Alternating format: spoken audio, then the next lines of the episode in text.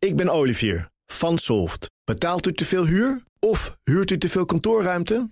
Solft heeft de oplossing. Van werkplekadvies, huuronderhandeling tot de verbouwing. Wij ontzorgen u. Kijk voor al onze diensten op soft.nl. BNR Bouwmeesters wordt mede mogelijk gemaakt door Bouwend Nederland. De bouw maakt het. BNR Nieuwsradio. Zet je aan. BNR Bouwmeesters. In deze zomerperiode blikken we terug op bijzondere gesprekken van het afgelopen seizoen. Met vandaag Wanneer wordt een gewone stad een slimme stad? Jan Posma. Als het internet betrokken is bij een oplossing, krijgt het al snel de stempel smart. Zo ook in een stad. Maar wat is nou eigenlijk een smart city? Welkom bij BNR Bouwmeesters voor de bedenkers, bouwers en bewoners. Te gast Michiel Frakkers, oprichter van Blue City Solutions. Ik vat het maar even kort samen. helpt steden slimmer te maken en brengt dan de partijen bij elkaar. Even heel kort door de bocht. Ja. Kees Duy, eh, directeur stedelijke ontwikkeling en smart cities bij TNO. En uh, Bram Hendricks van Automotive NL. Uh, eh, behartigt de belangen van de autobranche. En u gaat dan specifiek over smart mobility, hè? Klopt. Ja, nou welkom allemaal. Laten we eerst eens even beginnen over dat begrip smart city. erg populair. Het wordt al snel als een labeltje ergens opgeplakt. meneer Dwie, wat is volgens u nou een smart city? Ja, als ik heel eerlijk ben, heb ik eigenlijk een beetje een hekel aan het woord smart cities. Want het woord smart doet veronderstellen dat we uh, ICT de stad inbrengen. Uh, breedband aanleggen, verglazing. En dan komt het fris allemaal wel goed. En ik denk dat er al iets meer te doen is dan, uh, dan dat. Uh, je, moet niet, je moet niet stoppen met nadenken. Dus, want wat moet er dan nog gebeuren? Ja, met, met, die ICT krijgen we het voor elkaar dat er inderdaad heel veel data ontsloten gaat worden in de stad. we kunnen ook veel meer mensen en, bereiken in zo'n stad. Uh, en over die data, die moet je gaan duiden, dan kun je mee gaan redeneren, dan kun je, die kun je gaan verrijken. En daarmee kun je meerwaarde voor de stad uh, Het gaat er ook om, wat doe je met die data? Die het gaat inderdaad wat je met die data doet. En, uh, ja. Meneer Frakker, ziet u dat ook zo? We moeten wat doen met zeg die maar data? Michiel hoor, Gaan we, zullen we dan gelijk even gaan we helemaal tutoyeren? Helemaal goed. Gaan de, de rest moet gewoon u tegen me zeggen. ik heb het zelfs op de site moeten, op onze eigen site moeten opzoeken. Op bluecity.solutions. Inderdaad. Ja. Wat, de definitie van smart cities is zo lastig dat ik hem op mijn eigen site moest googlen. Dit is trouwens een smart uitzending ook. Hè? Want je zit het nu op je telefoon te lezen. Ik lees het op de telefoon. Ja. Op cyber physical systems or smart systems are co-engineered interacting networks of physical and computational components. Oh god. Nou, ik heb het niet zelf geschreven. Nee, we kwamen net wat dichterbij. Nu ben ik het weer even kwijt. Hoe zou je dat zelf dan anders nou, Het koppelen van eigenlijk van wel fysiek fysieke infrastructuur met slimme intelligente systemen die vooral digitaal van basis zijn. Dus, ja, uh, dus... dat zegt nog steeds helemaal niks, maar een stoplicht alleen al wat op groen gaat als je aankomt lopen, omdat een sensor ziet dat je er staat. Dat zou een praktisch voorbeeld zijn. Ja, inderdaad. Dus toch ook een beetje die computertjes uh, erin Toch wel weer. Ja, uh, en dan meneer Hendricks, of Bram. Bram gaan we nu gewoon zeggen. Ja. je, je kijkt natuurlijk specifiek ook naar de infrastructuurkant daarin. Wat is voor jou een smart city? Ja, eigenlijk naar de, naar de mobiliteitkant. Dus niet Ja. alleen de infrastructuur, maar vooral ook wat daarover rijdt. En dan is voor mij een smart city waar eh, is een stad waar geen ongelukken gebeuren, waar, eh, waar het schoon is, eh, veilig is en waar je snel van A naar B kunt. En hoe kan dat dan, we hoorden net al het verkeerslicht. Is dat nou ook een goed voorbeeld van hoe dat dan eh, daarbij helpt? Ja, dat kan nog veel simpeler en veel slimmer en ook misschien wel goedkoper. Eh, ik kwam hier Amsterdam binnenrijden en ik zie meteen drie bordjes. eh, onderweg ben ik offline. Nou, dat is de druis tegen mijn eh, natuur in natuurlijk. Want je wilt Dat kan die, dan niet. die connected car eh, eh, de stad in krijgen. Die Ja. kan slimme keuzes maken of kan de bestuurder eh, informatie geven om slimme keuzes te maken. Ja, want de connected car, kan ik dat, is dat dan gewoon een slimme auto die in verbinding staat? Ja, die auto wordt heel slim, eh, steeds slimmer. En die bestuurder wordt ook steeds slimmer met de systemen die hij krijgt. En dan kan hij betere keuzes maken. Ja, Eh Michiel Frakkers, wat is nou de grootste uitdaging bij het doorvoeren van die slimme eh, oplossingen? Jij bent bezig om die partijen bij elkaar te brengen. Is dat ook waar, waar de sleutel ligt? Ja, de burgemeester van der Laan van Amsterdam had een goede tekst erover vorig jaar. Die zei, eh, ik ben nu zes jaar burgemeester, ik heb 700 burgemeesters ontmoet. Allemaal, stuk voor stuk, wereldwijd, burgemeester van een smart city. Er was er geen één bij die zei, ik ben burgemeester van een dam city, nice to meet you. het probleem ontstaat eigenlijk continu, kwamen we achter toen. Ik de laatste jaren vrij veel de wereld rondgereisd over dit onderwerp. En kwam erachter, het probleem is overal hetzelfde. De steden zijn vrijwel nooit eigenaar van infrastructuur. Die zijn indirect aandeelhouder van een energiebedrijf. Indirect van Waternet, laten we van Nederland houden. Indirect van Alliander of van Stedin. Of...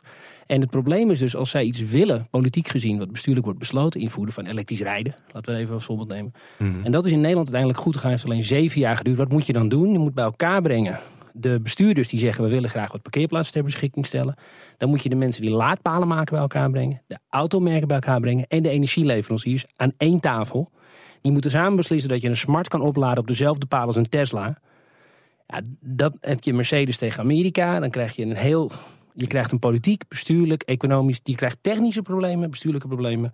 Dus Ehm, op alle lagen wordt het gewoon heel en ingewikkeld. als bedrijfsmodel ook, want je vervangt benzinemaatschappijen. Moet er misschien een nieuwe benzinepomp komen die elektrisch is. Dus je krijgt Mhm. op bestuurlijk, eh, economisch en op technisch gebied gewoon grote uitdagingen. En daarom is die samenwerking en het, en het, en het coördineren daarvan zo belangrijk. Ik zie je Bram Hendricks knikken. Je bent het ermee eens. Ja, kijk, die samenwerking is natuurlijk het toverwoord. Ehm, die steden zijn allemaal eh, eh, jaren, jaren, honderden jaren soms geleden ontwikkeld. We hebben onze eigen problemen daarin eh, gecreëerd voor nu. En die moet je samen zien te doorbreken. Nou, Dat, dat kan niemand alleen, de overheid niet, maar een, een bedrijf ook niet. Eh, en daar heb je echt samenwerking voor nodig. Dus daar sluit ik me helemaal aan. Ja, en, en Michiel Frakkers, jij, jij zit dus ook veel in het buitenland. Als je nou eh, Nederland even in, dat buitenland plaatst, waar staan wij dan? Doen wij het dan goed of lopen we een beetje achter? Of?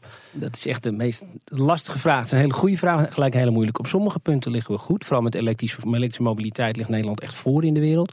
En dat model ook van samenwerking tussen netbeheerders die dat samen met de automerken hebben gedaan en gestandardiseerd. Eh, we zijn voor de rest qua echt duurzaam energie produceren natuurlijk heel erg slecht vergeleken met Duitsland en Scandinavië. Het probleem ontstaat vooral dat we veel te lokaal en klein denken. Hier iets met ons Smurfenland iets coördineren op internationaal gebied is natuurlijk onzin. Je moet tussen Azië, Europa en Amerika, daar worden de standaarden gedefinieerd. Dus het is heel belangrijk dat de Chinese energieleveranciers dezelfde standaard gebruiken als de Mhm. Europese, als de Amerikaanse. En daarom zitten wij ook in Washington, Amsterdam en Singapore om proberen die partijen aan één tafel te krijgen. Nou, dat is al Ja. lastig genoeg in Nederland. En dat intercontinentaal te doen nog steeds. Maar als je het niet doet, krijg je dus verschillende stekkers. Verschillende, eh, eh, net zoals elektriciteit, hebben letterlijk 110, 220. Dat soort stomme dingen die niet nodig zijn. Ja, dan sluit het weer helemaal niet bij elkaar aan. Kees de Wie, eh, vanuit TNO kan ik me voorstellen dat je ook veel contact hebt met het buitenland. Ja, want ik, ik denk dat wij het in, op een aantal fronten inderdaad erg goed doen. Eh, dus eh Michiel geeft al een paar voorbeelden van. Ik, ik, ik noem een ander voorbeeld. Voor mij is een smart city ook wel een, een stad die eh, verschillende terreinen met elkaar weet te verenigen. Dus milieu en mobiliteit en energie in de gebouwde omgeving. En dat zijn ook vaak terreinen die, die op gespannen voet met elkaar staan. Als je de ene probeert, heeft de ander er wel weer wat last van. Ik, ik denk dat we dat in Nederland op, tot op eh, zekere hoogte al behoorlijk goed hebben gedaan. En, en, de, en de technieken en de tools die we daarbij ontwikkeld hebben, dat zijn ook exportproducten. Hè. Een van de plaatsen waar wij eh, actief zijn is de grootste agglomeratie ter wereld, hè, Shenzhen in eh, Zuid-China.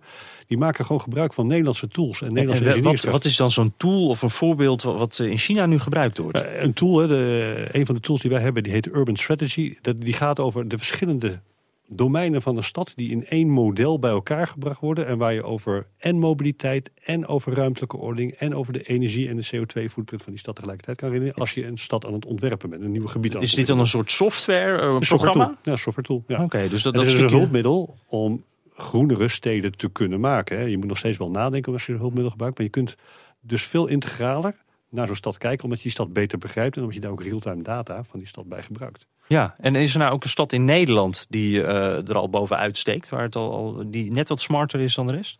Eh, weer zo'n goede vraag. Hè? En, en, en ook wel, Weer zo eh, moeilijk. nou, Ja. ook wel een Ja. beetje moeilijk. Ehm, ik ben wel heel benieuwd wat Michiel ervan vindt. Maar ik zal er ook een antwoord op geven. Ik denk dat, je, dat dat antwoord is nee. Er steekt geen stad uit. Maar er zijn wel een aantal steden die op een aantal aspecten het heel aardig doen. Hier in Amsterdam, op het gebied van circulair, gebeuren er fantastische dingen.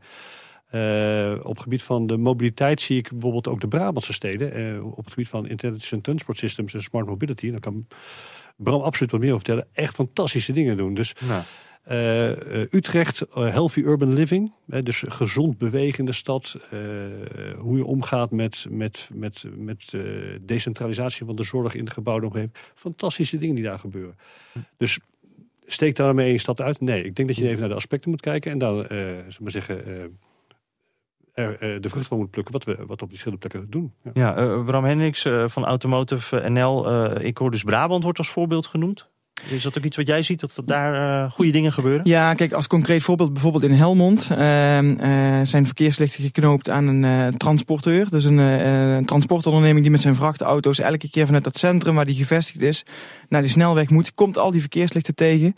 En er is nu connectivity mogelijk gemaakt tussen verkeerslicht en vrachtauto. Daarmee zorg je voor 13% minder brandstofuitstoot. Chauffeur meldt zich aan, krijgt twee of drie seconden langer groen. Krijgt die informatie ook in de auto van rij nu 50, dan kun jij doorrijden of je Moet niet die stoppen. chauffeur er ook wat voor doen of gaat dat allemaal automatisch? Dat gaat dan allemaal automatisch. Die Hij moet eh, ervoor twitteren, dat zou maar zijn. Ja, even stilstaan en eh, ja. hij twittert naar huis van ik ben, ik ben er sneller. Hè? Ja, die aardappels kunnen op het water. Het gaat er echt over die twee seconden langer groen. Dat hij niet die 15 ton hoeft stop te zetten en rustig door kan rijden. 13% brandversparing, maar ook 13% minder CO2 en NOx-uitstoot. Dan ben je volgens mij een smart city. Ja, daar gaan we zo nog even over door. Staan we straks nooit meer in de file en kunnen we altijd een parkeerplek vinden. Daarover straks meer na de reclame. BNR Nieuwsradio. Zet je aan. BNR Bouwmeesters. Fietsers, auto's, trams, bussen en voetgangers, het worden er steeds meer en ze moeten allemaal hun weg in de stad vinden. Hoe zorg je nou dat deze verschillende stromen niet vastlopen? Hierover praat ik verder met mijn gasten en dat gaat dan over de Smart City. Eh, Michiel Frakkers, oprichter van Blue City Solutions, eh, die helpt steden slimmer te maken. Kees Dwie, directeur stedelijke ontwikkeling en smart cities bij TNO. En Bram Hendricks van Automotive NL, eh, die veel vanuit de autobranche bezig is met smart mobility. Ehm, Waar slimme oplossingen heel handig kunnen zijn, eh, eh, is voor de infrastructuur de, de, de doorstroom van verschillende eh, verkeersstromen.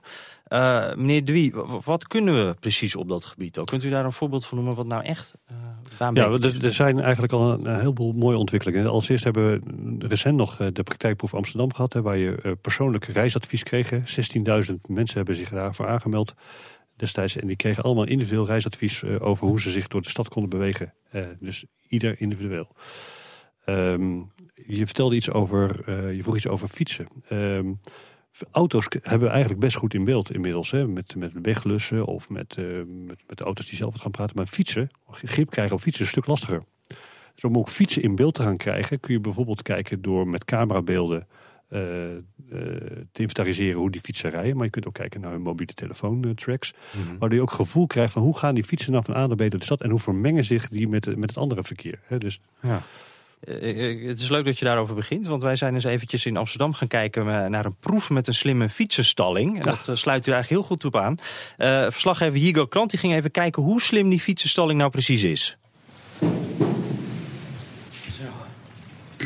Goeiedag, u bent eh, Iris van der Horst. Ja, dat klopt. En u bent gastvrouw in deze slimme fietsenstalling. Ja, dat klopt. Wat is hier zo slim aan? We hebben in deze stalling druksensoren geplaatst. En die zorgen ervoor dat je kunt zien of er een fiets staat, hoe lang die fiets er staat en dus ook waar er nog plekken vrij zijn. Boven, als je bij de stalling aankomt, zie je dus nu een eh, bord. En dan weet je of er plekken zijn in de stalling zelf. En over twee weken zie je hier om de hoek op een display ook nog eens waar dan die vrije plekken zijn. Zodat je eigenlijk ook niet meer naar een plek hoeft te zoeken. Laten we de fiets even neerzetten, dat praat wel zo makkelijk verder. Zo, het werkt, dat moet je nog steeds wel zelf doen. Ja, ja, dat nog wel. Daar hopen we nog een keer een oplossing voor te vinden. Hier is dus nog een plaatsje vrij. Maar als ik buiten goed op het bord had gekeken, dan had ik dat al eerder kunnen zien. Nou, buiten kun je zien of er überhaupt nog plek is in deze stalling. En straks kun je op de display, daar lopen we nu even naartoe. Oké. Dan zie je hier een platte grond van de stalling. En op die platte grond kun je dan zien waar die vrije plek zit. Nou is dit een kleine stalling, dus die is overzichtelijk. Dus we hebben niet elke plek gemarkeerd. Maar dat is natuurlijk wel voor de toekomst de bedoeling. Dat je echt in een grote stalling ook kunt zien van... oh, daar is die vrije plek die ik zoek. Als ik hier om me heen kijk, dan zie ik ook heel veel fietsen met een, een geel briefje eraan. Dat zijn waarschijnlijk fietsen die hier al te lang staan en zullen worden verwijderd. Helpt daar het systeem ook tegen? Ja, het systeem is ook bedoeld om te kijken hoe lang staat deze fiets er nou eigenlijk. En eh, kunnen we de eigenaar van die fiets eh, ook vertellen dat hij hier niet langer dan twee weken achtereen moet staan. Want nu gaat het een beetje eh, zo met de losse pols. Nou, het, het gaat op de kennis van de mensen die hier aanwezig zijn. Ja, op de medewerkers. Ja, en de robot is altijd slimmer dan de mens. Nou, dat weet ik niet. Maar in ieder geval maakt het het voor ons wel makkelijker en betrouwbaarder. Waar ik dit eigenlijk veel en veel liever zou willen, is in de parkeergarage. Dan sta je te wachten totdat er eindelijk een plekje vrij is. En dan moet je op drie etages gaan zoeken naar dat ene plekje dat is vrijgekomen. Voor auto's. Ja, Ja, daar zou het ook op van toepassing kunnen zijn. Ja. Maar wij doen het nu voor fiets. oké. Maar misschien een ideetje om in de Ja, toekomst... zou zeker een goed idee kunnen zijn, ja. Nou, zomaar een suggestie. Eh, Bram He- Hendricks van Automotive NL. Ik zou zeggen, dat is niet zo moeilijk, toch? Dit kunnen we gewoon toepassen op eh, ook autoparkeergarages. Ja, wordt ook al gedaan. Eh, Wordt al, gebeurd al. Ja, wordt mee geëxperimenteerd. Kijk, de eerste stap is natuurlijk, je komt die stad binnen. En naar welke parkeergarage ga je dan? Wat je nu ziet gebeuren met open parkeerdata, is dat mensen betere informatie krijgen en betere keuzes kunnen maken. Ook individueel betere keuzes. Jij wilt misschien wat verder weg staan en minder betalen. De ander wil wat meer betalen, maar dichtbij staan.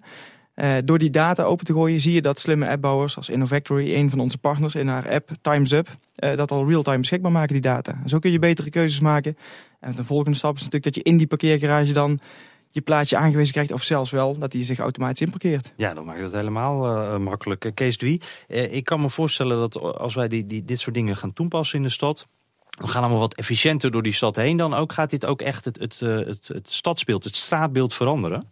Eh, op termijn denk ik wel, want ehm, eh, dus de, de voertuigen, de, de, ste- de, de auto's, die raken niet alleen connected, eh, maar gaan ook coöperatief straks met elkaar rijden. Dat betekent dat je bijvoorbeeld in platoons achter elkaar kunt gaan rijden. Toen zat ze eigenlijk een soort treintjes. Ja, of- treintjes, dus de drie, vier voertuigen achter elkaar. Dat is, dat is aantrekkelijk als je dicht achter elkaar rijdt, omdat je dan nou, beter gebruik maakt van het wegoppervlak, maar ook omdat je minder brandstof gebruikt. Eh, een collega die ze- riep laatst al van eh, we gaan ook naar een, een, nieuwe, een nieuwe app toe. Die heet Car Tinder, waar je afspraken kan gaan maken. Eh, om samen zo'n treintje door de stad eh, te gaan. eh, Dat is maken. de- puur wel autorijden, dus we hebben het niet over... Wie weet. Hè? Dus, het kan allemaal, ja. Dat, dat is coöperatief. Eh, op termijn misschien ook nog wel de zelfrijdende auto, de zelfparkerende auto in de, in de, in de parkeerplaatsen. De vraag is of we allemaal nog wel een eigen auto hebben. Of dat op het moment dat jij straks je wil verplaatsen en je loopt je deur uit, dat een auto voortkomt rijden die ergens uit de pool komt. Dus hebben we nog allemaal wel parkeerplaatsen voor onze deur staan. Dus er zijn wel behoorlijk wat vragen die, eh, die straks in de, de ruimtelijke ordening en het gezicht van de stad kunnen gaan, gaan bepalen. ja, en dan hebben we misschien wel minder parkeerplaatsen nodig. Misschien ook wel minder drukte. Ja, of op andere Nou, plekken. uiteindelijk is dat wel op grotere schaal. Eh, ja. Als je kijkt naar China, Amerika, en als we Europa gewoon als groot dorp zien. Eh, de grotere steden. als je gaat kijken, even op langere termijn, is dat de verwachting van de Verenigde Naties is dat in 2050 80% van de mensen op aarde in steden woont. En als we dan een systeem gaan invoeren waarbij parkeergarages slim worden, zodat je makkelijk in je auto kan parkeren, is waarschijnlijk dat net niet wat we zouden willen. Wat we zouden willen is een systeem bijvoorbeeld waarbij op basis van het weer, het is vandaag wisselvallig, de OV-bedrijven de prijzen verlagen op het moment dat ze verwachten dat veel mensen de auto gaan pakken omdat het regent. Zodat je op die manier, op een grootschalige manier kan gaan kijken hoe je verkeersstromen stuurt. Ja, en het gedrag gaan passen. ja, het gedrag aanpassen, dat kan je doen op basis. Nou, je zou bijvoorbeeld kunnen zeggen, dat wel vaker voorgesteld, dat je bijvoorbeeld voor elektrische auto's, als je het milieu wil bevorderen, zegt die mogen harder rijden dan vervuilende dieselauto's. Je kan, op als je beleid koppelt aan techniek en in infrastructuur, dan kun je op een veel slimmere manier dit soort grootschalige problemen aanpakken. En wat we dan proberen te doen in ons geval is zoeken naar de oplossingen. Die doen wij dan blue, die zijn niet groen, maar die zijn zowel groen, ecologisch verantwoord, als ehm, economisch verantwoord en sociaal verantwoord. Kijk, in steden als China, je ziet het ook in Singapore gebeuren, is het vrij makkelijk, relatief, Dubai is ook zo'n stad, om grootschalige infrastructuur te veranderen, omdat het een andere opvatting van democratie is. Dat is waarschijnlijk niet de manier waarop wij in Nederland een eiland willen gaan aanleggen zoals in Nee, Singapore is Het gebeurd. gaat daar iets makkelijker, Het eh, gaat niet zullen we makkelijker. zeggen. Want als je dit Ja. wil combineren, moet je voorstellen, dat soort steden kunnen ze gewoon letterlijk zeggen: het weer is vandaag eh, zodanig, het, is, het regent. De OV-bedrijven moeten de prijs verlagen, anders gaat iedereen in de auto. Nou ja, dat wordt in Nederland met de NS en de OV-bedrijven iets lastiger. En dat soort dingen Mhm. zijn wel de oplossingen van de toekomst. Nou hebben we eh, echt wel wat eh, voorbeelden gehoord. Ook allemaal wel eh, leuke, interessante dingen waarvan ik denk, nou laten we die gewoon maar eh, invoeren. Meneer Dwie, hoe, hoe lang duurt het nog voordat we echt al deze zaken eh, op grote schaal op de weg terug gaan zien? Eh, nou, niet zo lang, want voor een deel zijn ze er al. hè. De, het, het slimme parkeren werd net al even genoemd. Eh, misschien nog niet zo slim dat die auto helemaal zelfstandig naar de parkeerplaats rijdt. Dat duurt misschien nog net even iets langer. Maar met slim licht kan wel die parkeerplaats, die vrije parkeerplaats aangewezen worden. Eh, corporatief rijden, eh, dat, dus de auto die praat met andere auto's of met de wegkant en dus kruispunten beïnvloedt. Van ik kom eraan of er komt verkeer aan, daardoor gaat dat kruispunt wat eerder op. Dat zijn allemaal techniek van vandaag en morgen. Dus dat is echt op korte termijn gaan we dat echt terug Hoe lang denk je dat duurt? Vijf tot vijf jaar of tien jaar voor je zelfrijdende auto's eerder. hebt? Die, eh, kom- eerder? Bram Hendricks, wat- competitieve wat- kruispunten eerder. ja. Wa- Wat is dan de sleutel hierin? Eh, mo- moeten die, die wegen sneller slim worden of moeten die auto's sneller slim worden? Ja, de, auto's worden, de, de auto's die zullen sneller slim worden. Eh, op korte termijn heb je daar nog slimmere wegen voor nodig en wegkantsystemen. Maar op lange termijn is wel de verwachting dat die connectivity dusdanige vormen aanneemt dat die weg daar niet zo slim voor hoeft te zijn. Het gaat over het voertuig wat er, wat er oprijdt. En wat voor voertuig dat dan is, ja, dat is heel moeilijk te voorspellen. Ik denk wel dat het nu goed is om met kleine stapjes gewoon echt eh, wel vooruit te gaan komen. Maar we moeten een beetje van die, eh, kijk, start-ups zijn leuk, maar het gaat nu ook om scale-up. Dus vanuit die successen gewoon verder gaan. Dat is ook waar wij als clusterorganisatie voor strijden, hè, om eh, overheid te bewegen om nu die volgende stap te gaan maken. Want we hebben heel veel in huis hier in Nederland om, om die stappen te gaan maken voor de rest van Europa. Want Zijn jullie uiteindelijk. ook van ontmoediging van autobezit bijvoorbeeld? Ja, nou kijk, eh, ehm, het gebeurt gewoon. En sommigen zeggen van het gaat van inderdaad van bezit naar gebruik. Aan de andere kant zie ik ook een ontwikkeling dat een auto steeds goedkoper wordt. Je kunt er nu al eentje leasen voor 150 euro per maand. Een elektrische auto, dat, Ja, maar de dat vraag gaat is naar of je 100. dat dan wil. Ja, eh, maar de vraag is wat wij willen, bepalen wij of wat er gebeurt. Hè. De markt gaat daar ook zijn eigen weg in. Ehm, eh, Nou, de overheid kan dat sturen. Als de overheid gewoon zegt, een auto kost gewoon 500 euro belasting per maand. Denk ik dat het vrij snel gebeurd is in dit land. ja, de overheid verdient nu ook nog heel veel aan die auto en aan die benzine. Ja, we, hebben ook andere dingen Dus, geprobeerd eh, natuurlijk om dat gedrag te veranderen. Eh, ik tenslotte, eh Michiel Frakkers, eh, de laatste vraag aan jou. Je hebt de, de meest internationale blik, denk ik, in dit gezelschap. Als we nu Nou, kijken naar... ook hoor, denk ik maar. Nou, ik geef hem even aan jou. Als we kijken naar eh, welke stad op dit moment internationaal het verst is. Als we een vergezicht hebben, daar moeten we ons op richten als Nederland. Waar we- Kopenhagen. De, de, de stad die de beste marketing doet, twee steden zijn Barcelona en New York, Singapore. Maar Kopenhagen is de stad die verder weg het meest Die geavanceerd maken het ook het meeste waar. Alleen het gek is, die promoten het niet zozeer en die delen hun oplossingen niet. En dat is wat wij echt willen doen met Blue City Solutions. De oplossingen die werken, ook delen met de minder ontwikkelde landen, zoals Nederland. Nou, eh, Michiel Frakkers eh, hoorde u oprichter van Blue City Solutions. Ook in de studio Kees Dwie, directeur stedelijke ontwikkeling en smart cities bij TNO. En natuurlijk Bram Hendricks van Automotive NL. Op de schop. Ja, in deze rubriek vragen we een deskundige uit het veld welk gebied of welke plek in Nederland nu echt op de schop moet. Met deze week Sjoerd Soeters, architect en stedenbouwkundige van Soeters en Eldonk Architecten. Thank you. Vertel, wat moet er op de schop? een aantal V&D-gebouwen. V&D heeft eh, in de jaren 60 in binnensteden gebouwen laten maken die eruit zien als hele grote, grove blokken beton. Dat zijn brutalistisch architectonische gebouwen. En die brutalistische betonnen blokken die zijn geprofileerd aan de buitenkant. Die hebben een soort eh ribbeltjesgevel en die zijn helemaal gesloten. En dan zit er heel laag een soort glazen winkelplint onder die eigenlijk te veel terug ligt in de schaduw ligt. Dus die gebouwen zijn eigenlijk te massief en te onaangenaam om leuk te zijn in de winkelstraat. Wat moet er dan mee gebeuren? In het centrum van Zandam, daar staat een van die brutalistisch betonnen eh, V&D's. En ik zou het fantastisch vinden als die V&D dat hele gebouw ook ontdaan wordt van die eh, betonnen omhulling. En veel opener wordt, veel Waardoor dat gebouw een bijdrage levert aan een prettig ogende en goed functionerende winkelstraat. Dat kunnen we in Zandam heel goed gebruiken. Dus ik ben heel blij dat met dit moment dat V&D eruit gaat. En ik hoop dat er nieuwe gebruikers van dat gebouw komen. En dat we dan een metamorfose van die V&D kunnen krijgen. Ja, de brutalistische betonnen blokken van de VND, die mogen weg. Eh, en graag iets moois ervoor terug dan ook. Kijken of dat ook meteen nieuwe huurders aantrekt. Tot zover deze uitzending van BNR Bouwmeesters. Op bnr.nl slash bouwmeesters kunt u hem helemaal terugluisteren. We zitten ook op Twitter, dus hebt u tips voor ons of een idee over wat er in uw buurt op de schop moet? BNR Bouw of mail naar bouwmeesters.bnr.nl. Dank voor het luisteren. BNR Bouwmeesters wordt mede mogelijk gemaakt door Bouwend Nederland. De bouw maakt het. Ik ben Sylvia van Solft. Betaalt u te veel huur of huurt u te veel kantoorruimte? Solft heeft de oplossing. Van werkplekadvies, huuronderhandeling tot een verbouwing, wij ontzorgen u. Kijk voor al onze diensten op soft.nl.